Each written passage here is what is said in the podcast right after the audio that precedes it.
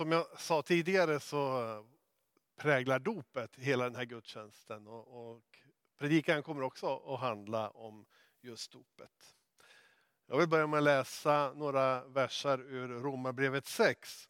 Och det blir väl så att jag upprepar något av det som Patrik läste inför dopet förut. Vet ni då inte att alla vi som har döpts in i Kristus Jesus också har blivit döpta in i hans död? Genom dopet har vi alltså dött och blivit begravda med honom för att också vi ska leva i ett nytt liv så som Kristus uppväcktes från de döda genom Faderns härlighet. Det har vi blivit ett med honom genom att dö som han, ska vi också bli, bli förenade med honom genom att uppstå som han. Amen.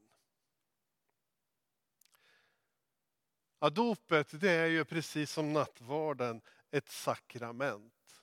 En helig handling till bredden fylld med innehåll och symbolik som vi ju inte riktigt kan förstå eller förklara fullt ut. Men som jag som sagt vill dela några tankar kring. Både dopet och nattvarden har konkreta symboler för att hjälpa oss att ta till oss innebörden nattvardens bröd och vin och dopets vatten. Ja, vi kan känna, vi kan dofta och smaka på den, på den kristna trons allra viktigaste handlingar. Vi får ta in dem med alla våra sinnen.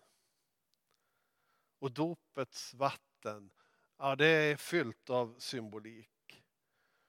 Och vi behöver nog inte fundera särskilt lång stund för att komma på flera betydelser som vattnet kan ha.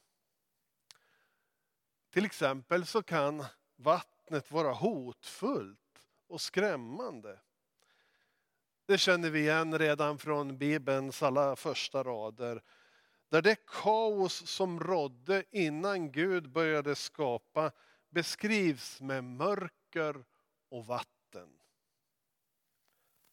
Och så har vi ju allt från berättelsen om Noa och den stora översvämningskatastrofen till det där tillfället när lärjungarna råkade ut för storm på Genesarets sjö och Jesus låg och sov i akten på båten medan de var alldeles skräckslagna. På samma sätt kan eh, vattnet upplevas skrämmande och hotfullt också för våra liv. Samtidigt är vatten en förutsättning för allt levande. Ja, vi människor vi består ju till två tredjedelar av vatten. Och vi har alla omslutits av fostervattnet. Och vi skulle inte klara oss särskilt länge utan vatten att dricka. Och i naturen där är ju vattnet en förutsättning för att det ska växa och grönska. Och i Saltaren kan vi läsa om hur Gud vattnar jorden. Och Jesus, ja han talar ju om sig själv som livets vatten. En tredje funktion som vattnet har, ja det är förstås att det renar. Man kan tvätta sig och bli ren helt enkelt. Och i Nya Testamentet, ja, då skymtar vi ibland hur vattnet användes i de judiska reningsceremonierna. Och Jesus själv, ja, han tvättade ju lärjungarnas fötter. Och Johannes döparen, han erbjöd ett renings och omvändelsedop i Jordans flod. Vattnet som hotar och skrämmer. Vattnet som ger liv vattnet som renar. Ja, de här tre aspekterna av vattnet är ju inte svårt att ta till sig. Och vi får ta med oss dem när vi nu ska fundera vidare kring dopets innebörd. Att gå ner i dopgravens vatten som Mimmi gjorde här för en liten stund sedan.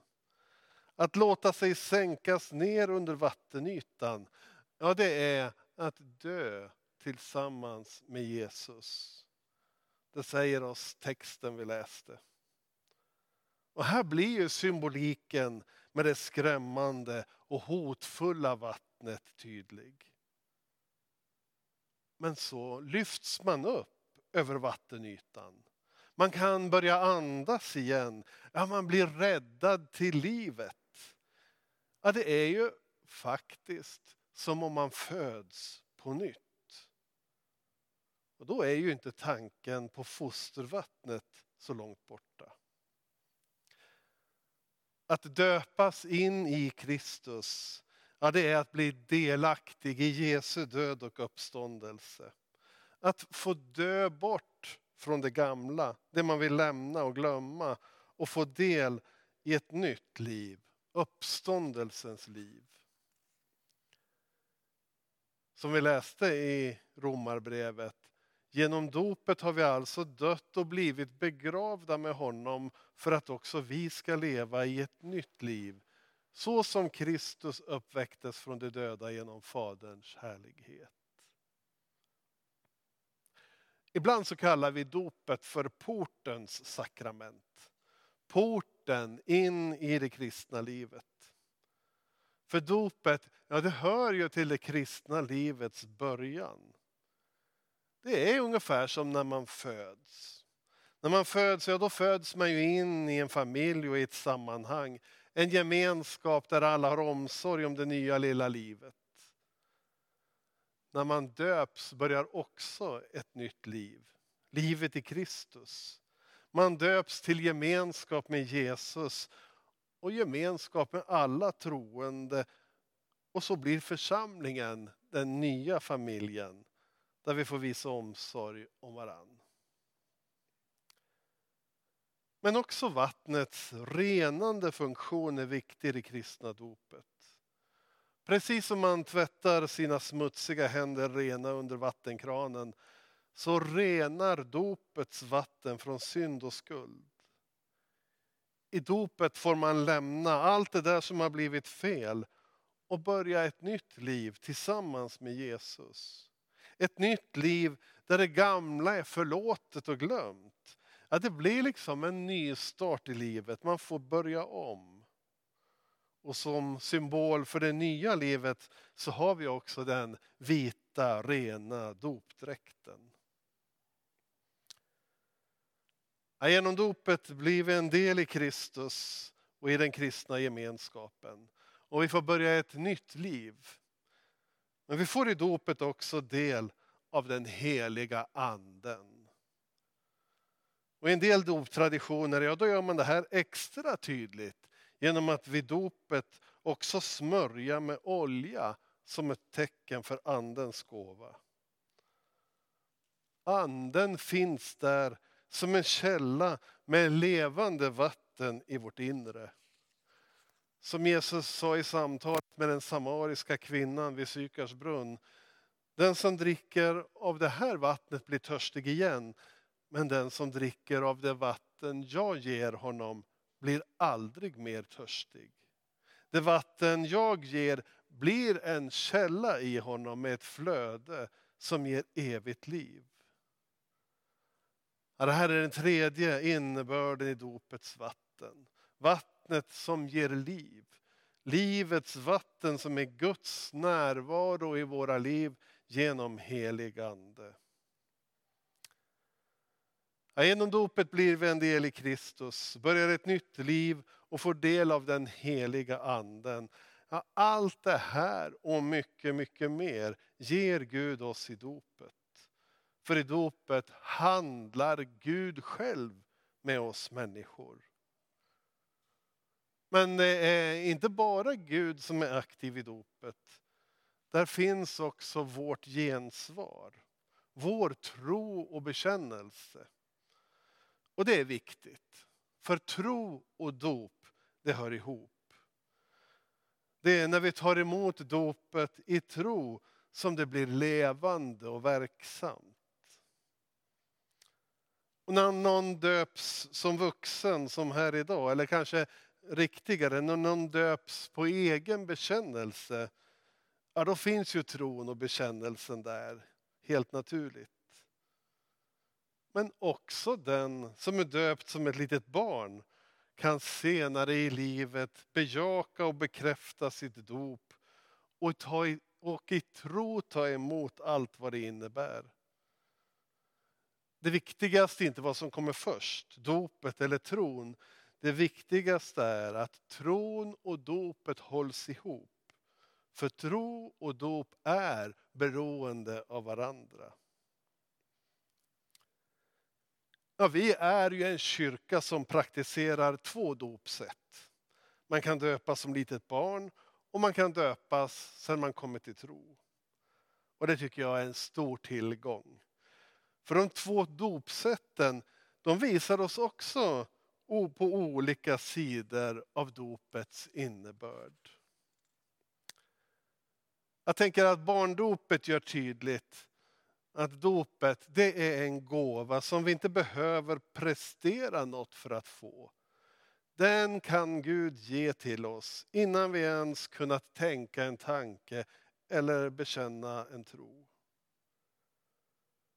Och troendedopet, ja, det betonar ju vårt eget ställningstagande, vår personliga tro och vårt medvetna val. Tyvärr så väljer man ju inte själv om man ska döpas som barn eller troende. Det är ju ens föräldrar som efter bästa förstånd och egen övertygelse har valt åt en. Jag tänker att om man som förälder döper sitt barn, ja då gör man det med tron och viljan att barnet från början av sitt liv ska höra ihop med Gud och församlingen och så småningom komma fram till en personlig tro. Om man som förälder avstår från att döpa sitt barn, ja men då gör man det med viljan att barnet först ska få komma fram till en personlig tro och sen genom eget val döpas som ett tecken på att man vill höra ihop med Gud och församlingen.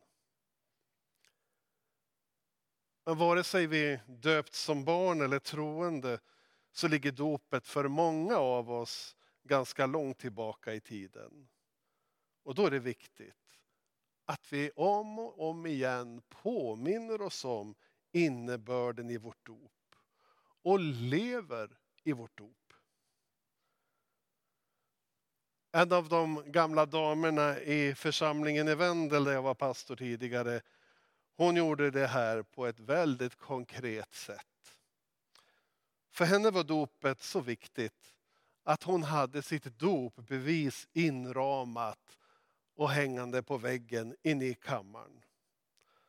Och varje gång hon såg på dopbeviset så påmindes hon om hur mycket, hur mycket dopet betydde för henne och hur tacksam hon var över det. När du tänker på ditt dop, eller eh, om du läser på ditt dopbevis så får du påminnas om vad dopet säger dig. Nämligen att Gud älskar dig utan att du behöver förtjäna det.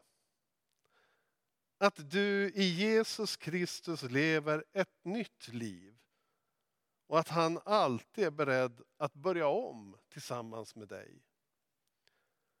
Att du lever ditt liv i gemenskap med Jesus och alla som tror på honom.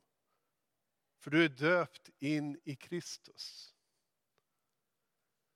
Ditt dop påminner dig också om att Gud genom sin ande vill dela ditt liv, hjälpa dig att leva och finnas i ditt inre som en källa med kärlek närvaro, kraft och liv.